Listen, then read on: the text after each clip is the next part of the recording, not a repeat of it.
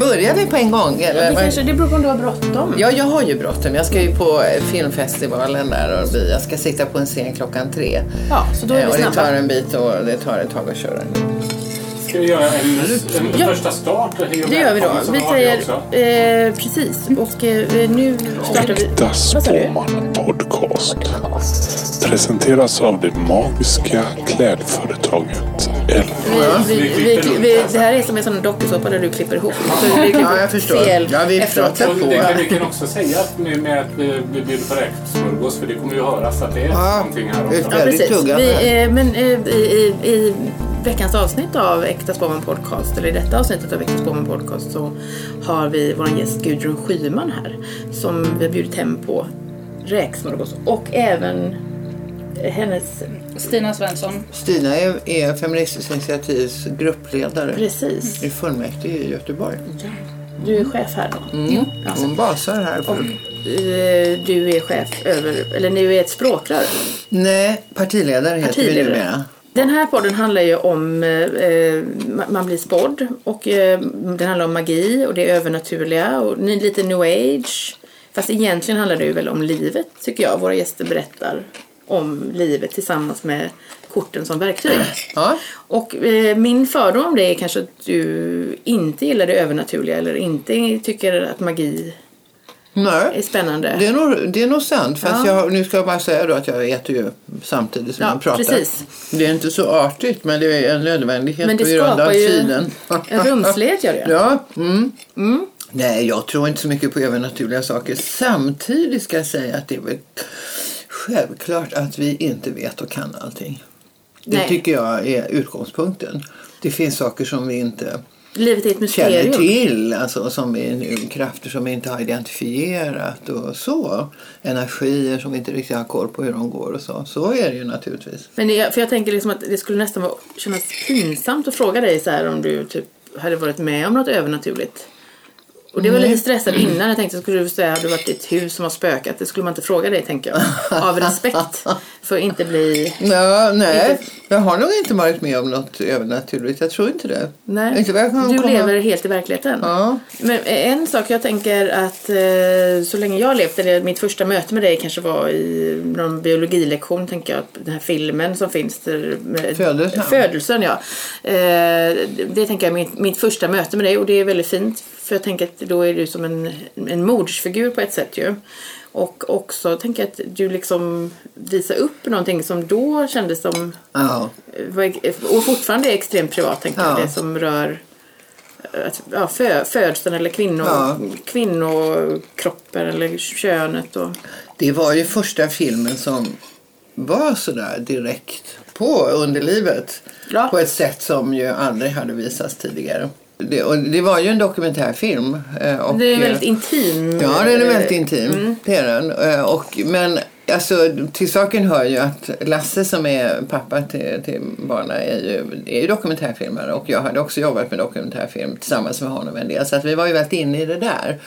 Eh, Och sen så var det ju väldigt eh, stark upplevelse hela detta. Och jag hade ju ingen aning om när jag åkte in där och vi började hur, hur det här Han sa gå. inte innan att han skulle filma. Nej. Jo, jo, jo, det hade vi kommit överens om. Jag hade ingen aning om hur det skulle gå. Jag hade ju aldrig fött några barn tidigare. Jag hade ju, vi, hade ju, vi hade ju pratat om att vi skulle filma själva.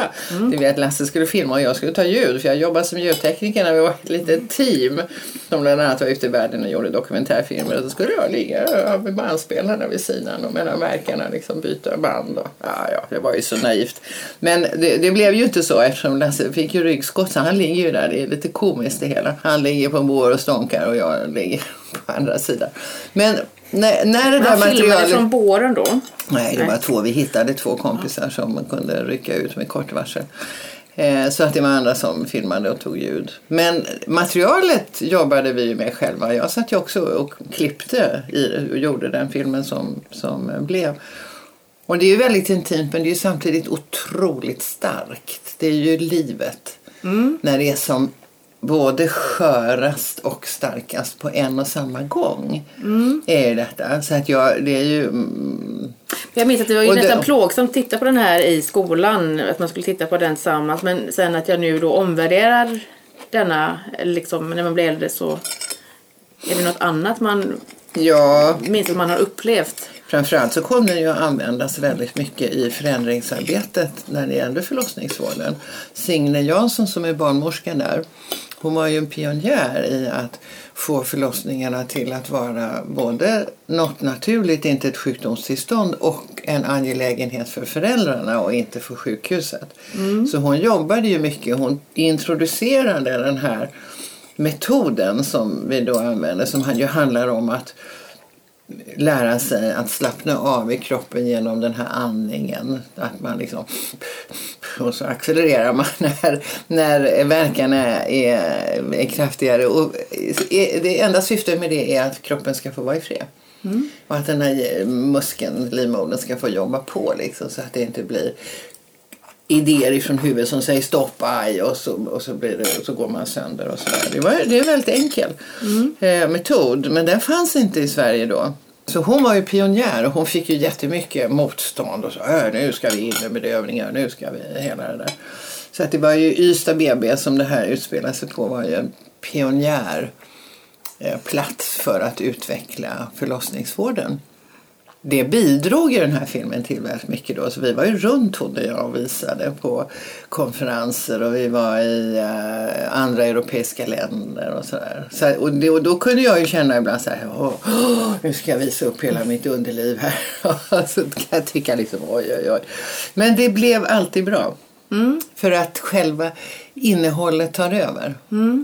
Styrkan i det som man får se eh, tar över. Det, jag tyckte det var intressant just för att jag ifrån att ha varit som man ofta är som, som kvinna eller ung kvinna. Så man möts ju utav förväntningar utifrån hur kroppen ser ut på utsidan.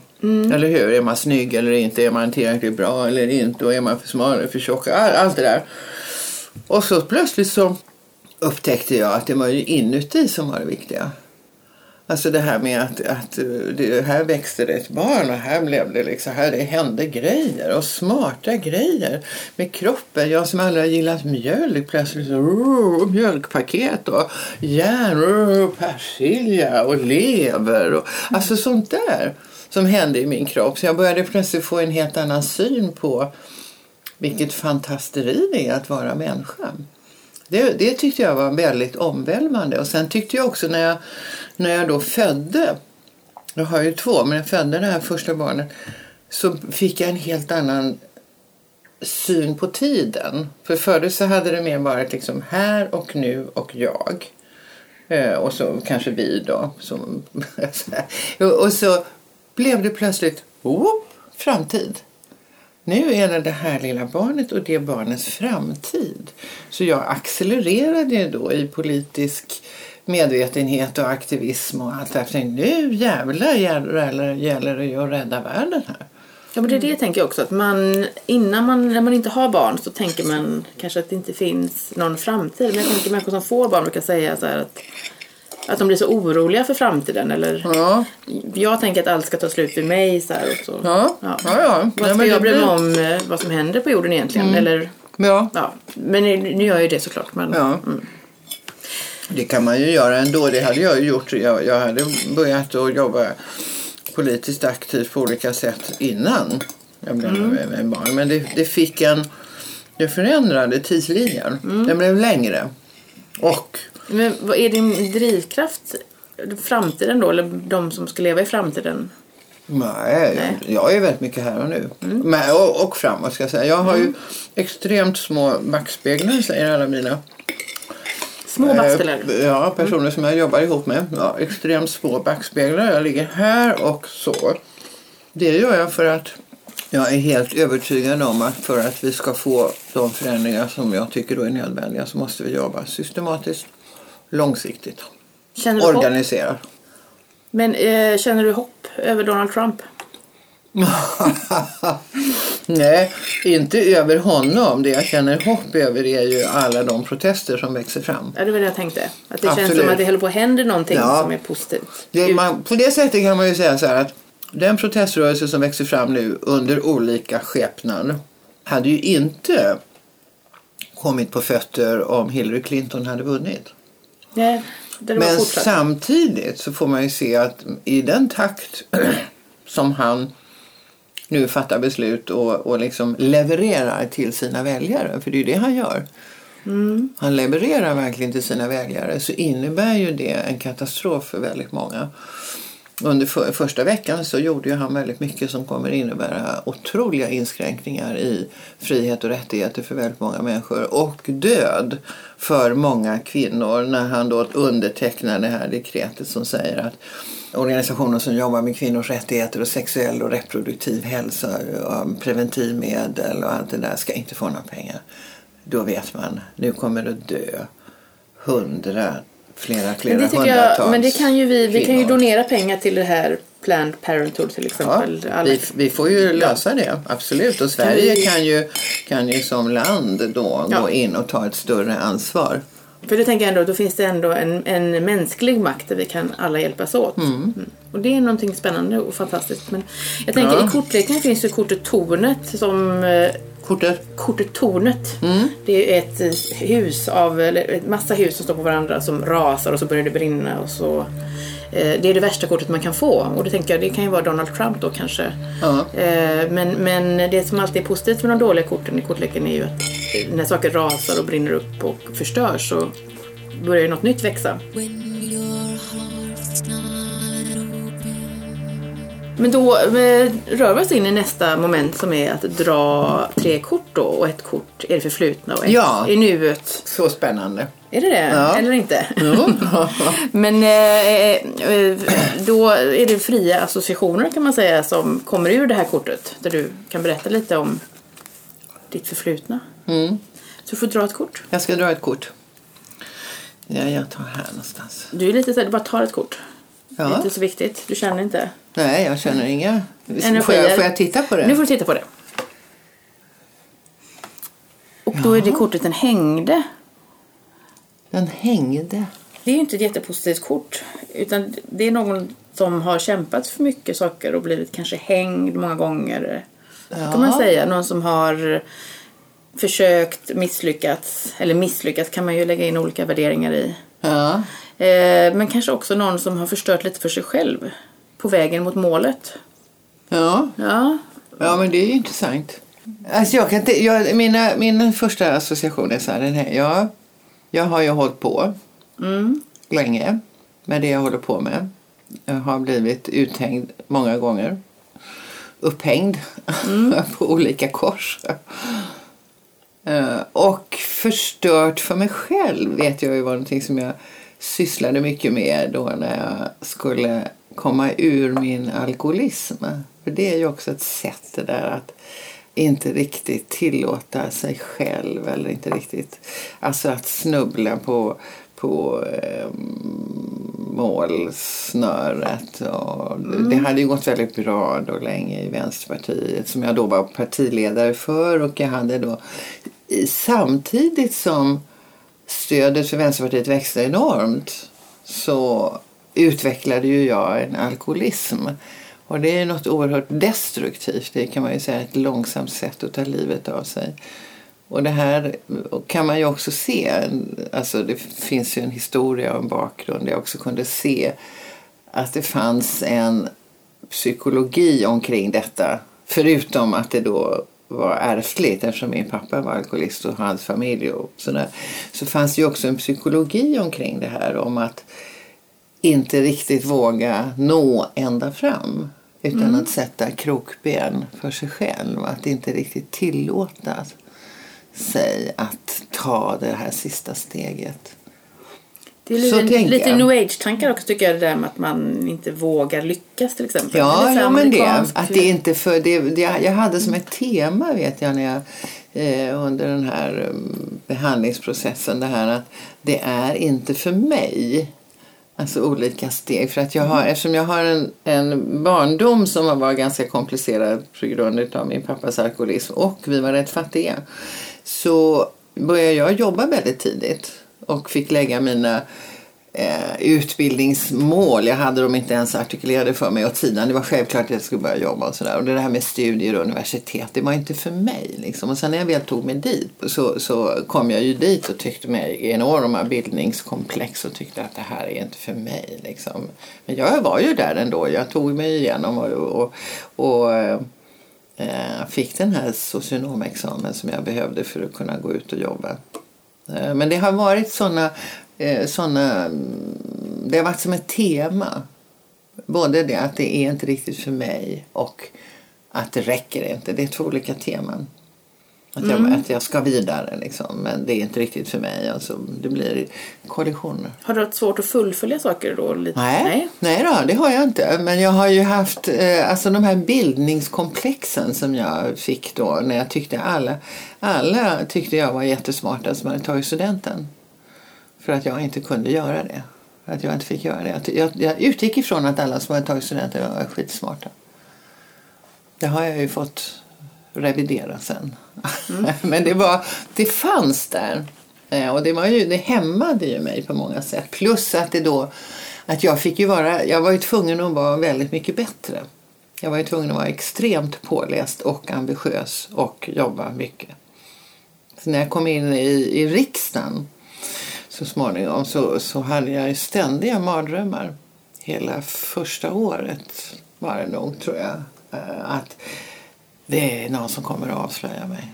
Men hur vågade du liksom ens försöka komma in i riksdagen med detta? Om du hade detta självförtroendet på något sätt? Känns som... Nej men det var jag, jag siktade ju aldrig dit. Nej. Jag har ju aldrig tänkt mig att jag skulle jobba med politik överhuvudtaget. Nej, utan det har ju, det har ju liksom blivit så. Jag jobbade lokalt och så fick jag förfrågan och så, så tänkte jag ja det kan vi göra. Jag var jättenervös när jag satt första gången i kommunfullmäktige i Simrishamn också.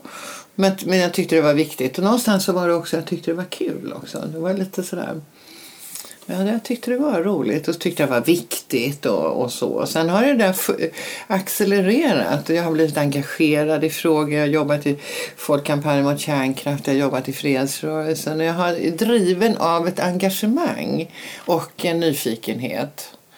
Och så har jag fått frågan, skulle du kunna tänka dig att? Och så har jag tänkt, ja det vore ju spännande. Eller, Säger du ja. hellre ja än nej? Jag säger ju hellre ja än nej, absolut. Och sen kan jag efteråt känna oj, oj, oj. Och så. Men då, har jag ju, då är jag ju redan där. Liksom. Men just det här med riksdagen kommer jag ihåg. Jag, jag, jag, hade, jag hade verkligen mardrömmar. Jag såg i vart jag skulle. Det är också så riksdagshuset, kulvertar man ska hitta möjligt sånt där. Men framförallt detta att jag skulle bli avslöjad. Så jag hade jag, jag drömde om nätterna att jag var på väg. Jag skulle upp i talarstolen. Jag såg den där borta. Jag kom inte dit. Så jag irrade omkring. Ja, Hur skulle jag komma fram? Och så vaknade jag alldeles svettig. Och någon gång kom jag fram. Och då när jag stod där så hade jag inga kläder på mig. Det är klassiskt. Man behöver inte vara Freud för att förstå. Men du, hade du spelat in den här filmen innan eller var det efter? Med födelsen? Ja. Nej, Nej. Den, den födelsen låg innan. Det var mycket innan. Du tänkte att du hade bearbetat det där med att drömma om kläder och Ja, kläder. nej, nej. nej, det här var ju väldigt mycket kopplat till eh, att jag att jag, eh, jag kände en fasa i att eh, rätt vad det är så kommer någon och säger att du kan ju för fan ingenting. Och då står jag där alldeles naken. Men du, har du utvecklats då på något sätt? För du känns ju väldigt auktoritär så här, och uh, inger...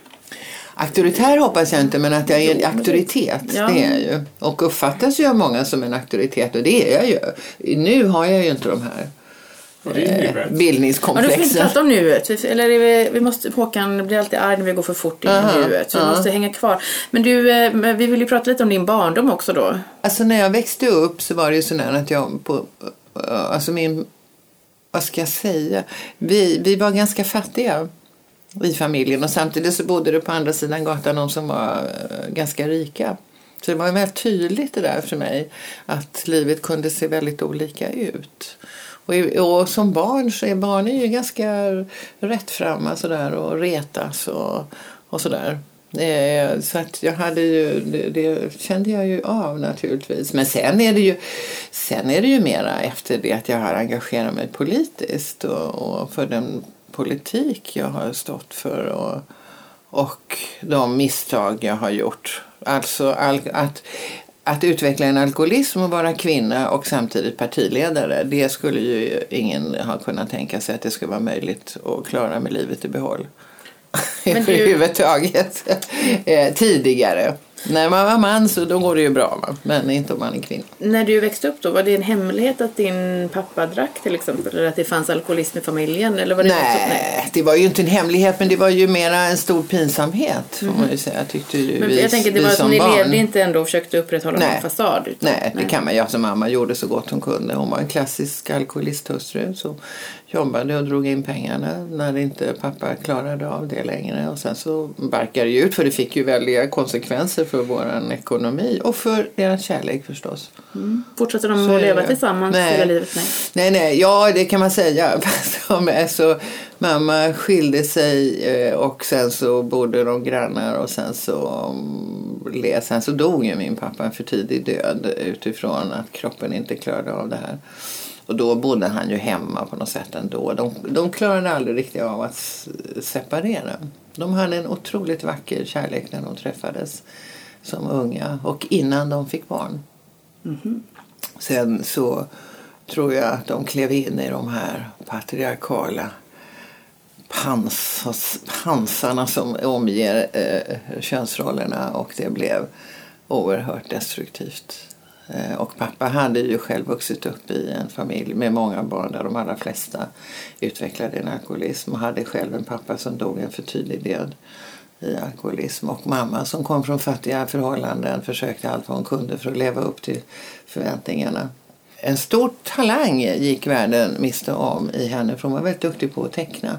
Hade tänkt sig en framtid inom mode. Hon var väldigt duktig på att teckna och duktig på att sy och hade gått sådana kurser på kvällarna och jobbade som ändringssömmerska på någon konfektions sådär. Men eh, ja, så blev det inte.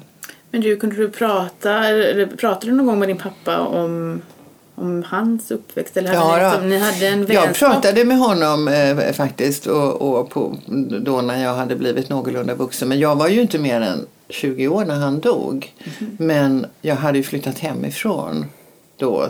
Det gjorde jag vid 16 tror jag. Eller något sånt där.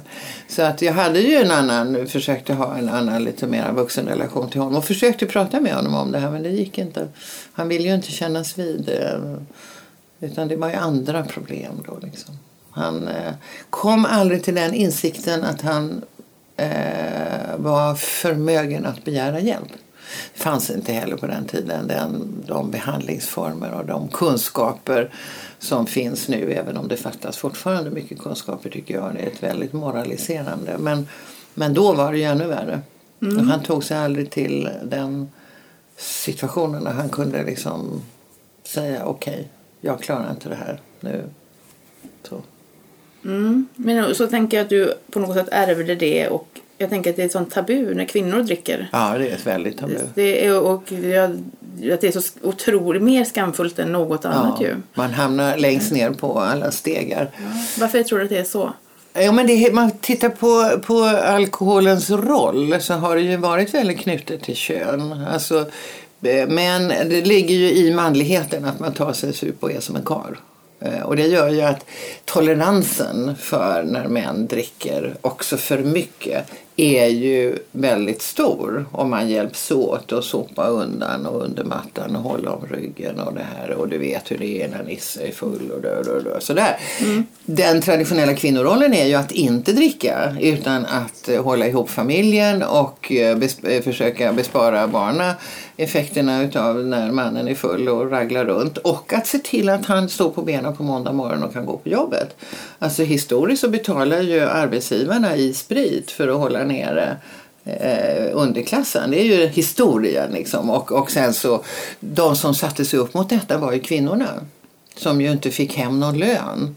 Och som ju då ändå hade att ta hand om de här männen och få dem iväg på jobbet.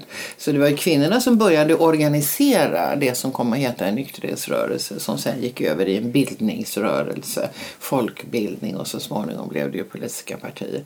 Det är historien och historiskt så är alltså kvinnorollen att inte dricka och mannen att dricka. Och när då den här konsumtionsnivån som vi nu har slår över och när människor utvecklar alkoholism så är det betydligt mer okej okay för en man och för en kvinna är det ju absolut då är man inget värd alltså. För då är man inte en kvinna längre. Och sen är man ju framförallt inte en mamma. Och man tar heller inte hand om mannen. Så att det är liksom det är det sämsta som kan hända. Mm. Och så är ju fördomarna fortfarande. När jag gick ut eh, och sa då att jag hade alkoholproblem så var det ju som hela himlen hade ramlat ner. Jag hade aldrig förväntat mig att det skulle bli sånt jävla liv. Men det blev det ju då. För att det var upplevde så... du mest att människor blev arga på dig? Nej, nej, inte alls. Nej. nej, nej. Jag upplevde ju... Jag hade inte kunnat föreställa mig i min vildaste fantasi att det skulle bli så mycket reaktioner. Mm. Jag satt ju någon morgon i en tv-soffa och, och, och, sa att det här är, det, det är ett problem. Jag var ju inte mogen då att säga att jag är alkoholist men jag sa att jag har problem. Jag har problem med det här. Eh, och bara det gjorde ju att eh, alltså det blev en jättereaktion. Och det strömmade in brev och fax och, när, som fanns på den tiden. Och, och jag tänkte först så här, det är ju inte klokt, har inte folk någonting annat att göra? Liksom. Och sen, men sen förstod jag blev väldigt imponerad över att så många hade eh, identifierat sig. För det här är ju ett stort folkhälsoproblem och väldigt många bär på det själva men framförallt har man ju många i sin närhet. Eh, så att det, det, det berörde på ett sätt som var helt oförutsägbart för mig. Mm. Och jag fick jättemycket stöd i detta. Mm.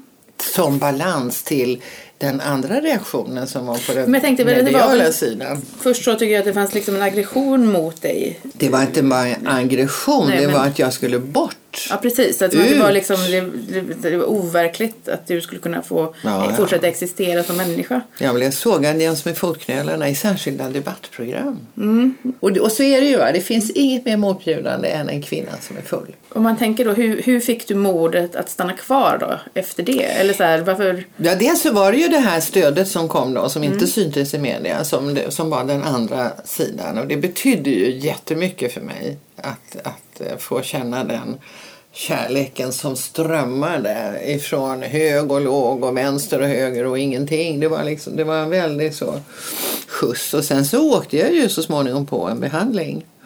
Eh, och den var ju bra. Den, den gav ju mig tillfälle att gå dit som man ändå måste gå och ställa det här på sin spets. Och det är ju en fråga om liv eller död. Det är ju en dödlig sjukdom. Det finns ingen annan utväg så att säga. Sen kan det ta lång tid eller så kan det ta kort tid. Eller så hade jag att välja på att leva. Och den processen hade jag möjlighet att göra under den behandlingen. Och då kom jag fram till att jag ville leva. Mötte du dig själv? Ja, det kan man nog säga att jag gjorde. Framförallt så mötte jag min pappa. Mm. Och det var intressant för att han hade ju varit död länge. Men som barn till en alkoholist så ställer man sig alltid frågan hur kan min pappa, eller om det är min mamma då, välja flaskan före mig? Det är en sån klassisk fråga. Betyder inte jag mer? Och så försöker man allt vad man kan som barn att betyda och försöka få kontroll på tillvaron och man lär sig väldigt att läsa av och sådär. Men när jag var i den här situationen själv, då, jag hade ju själv barn, så var jag tvungen att förstå honom på det sättet som jag kunde förstå mig själv. Det vill säga, jag väljer ju inte. Jag väljer inte flaskan framför mina barn. Utan när jag väljer att dricka så gör jag det för att jag inte kommer att överleva annars. För att jag har utvecklat ett sånt beroende i kroppen som gör att om inte jag får, om inte jag kan fylla på här med alkohol så kommer jag inte upp i sängen. Jag kommer inte, alltså, det, är det, det är rent kemiska beroendet som det handlar om. Så det är inget rationellt val mellan flaskan och mina barn. Och när jag erfor det så kunde jag ju också förstå min pappas situation på ett helt annat sätt. Och då kunde jag också förstå att den, det var inte så att han hade valt. Utan han var i den situationen och det gjorde, det förminskade inte hans kärlek till mig. Precis som jag hade min kärlek till mina barn. Och det blev en försoning.